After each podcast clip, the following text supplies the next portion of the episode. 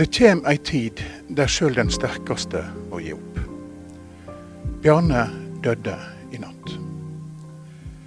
Det er en måned siden vi satt i solskinnet på haugen ved røykeriet hans og røykte kjøtt og prata skit og koste oss, og Bjarne fikk en siste dag i sola. Jeg husker fremdeles den euforiske stemninga da han ringte meg samme kvelden, og hele familien satt og ropte og lo i bakgrunnen. Det skulle bli den siste episoden vi spilte inn i lag. Etter den dagen ble Bjarne bare sjukere og sjukere. Så lenge jeg kan snakke, var svaret til Bjarne da jeg spurte hvor lenge vi skulle holde på med denne podkasten. Og etter den dagen ble Bjarne aldri i form igjen til å spille inn flere episoder. De siste fire ukene har kreften stramma sitt grep om han på en måte som gjorde at du skjønte at nå var det alvor.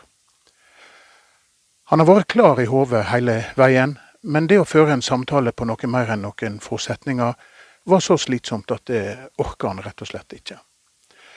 Jeg begynte òg å få en følelse av at de våkne stundene han hadde, skulle familien få ha i fred. Men sist mandag fikk jeg melding fra Solrun om at nå var han litt våknere enn han hadde vært i det siste, og at hun trodde han ville bli glad om jeg kom en tur. Jeg slapp alt jeg hadde i hendene, satte meg i bilen og kjørte til Guddalen. Det vart ei gripende stund. Idet Bjarne så meg, løfta han begge knyttnevene sånn som han pleide å gjøre når han var glad. Men han kunne ikke snakke lenger. Musklene i munnen var så lamma at han greide ikke å forme ord. Jeg satt ved senga hans og holdt han i handa og snakka og fortalte historier. Og Bjarne nikka og fulgte med med blikket og prøvde å smile. Og så las jeg diktet som jeg har lovt han å lese i begravelsen, og så gret vi litt. Jeg har flere ganger lurt på om jeg nå så Bjarne for siste gang. Denne gangen visste jeg det. Og det gjorde han òg. Det er ikke så lett å ta farvel en slik gang.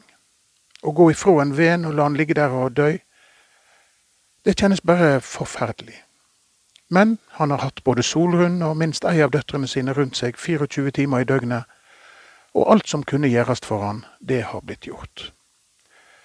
Og vel vart Bjarnes liv kortere enn mange andre, men likevel har han kanskje levd mer enn de aller fleste. Jeg kjenner ingen som i den grad som Bjarne har forfølgt sine lidenskaper og hatt så mye moro som han. Han var gutten som alltid kom sist i idrettskonkurransene på skolen, men som endte opp på maratonlandslaget.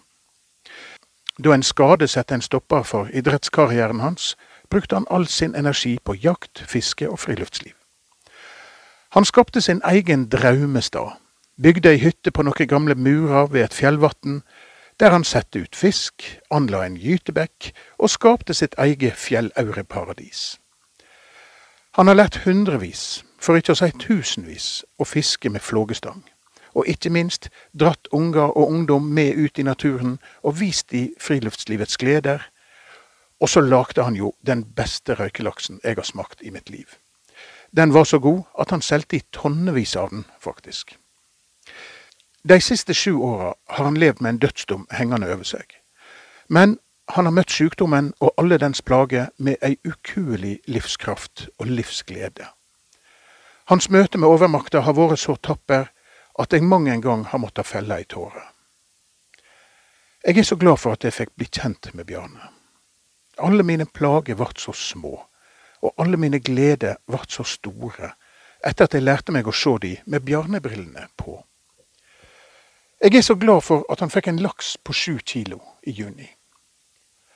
Jeg er så glad for at han kom seg på hytta på fjellet en siste gang med familie og venner rundt seg. Jeg er så glad for alt han fikk oppleve denne siste sommeren. Jeg er så glad for at han har en familie som tok seg av han med endeløs kjærleik, så han kunne bo hjemme til sin siste stund. Jeg er så glad for at vi fikk den fine dagen sammen ved røykeriet for fire uker siden. Og det er fælt å si det, men jeg er glad han fikk slippe nå. Hvil i fred, kjære Bjarne. Jeg skal lese diktet du var så glad i, i gravferda.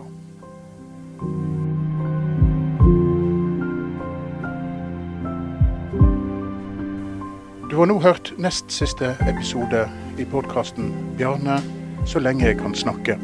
En podkast laga av Firda Media. Mitt navn er Ole Johannes Øvertveit, og det blir én episode til.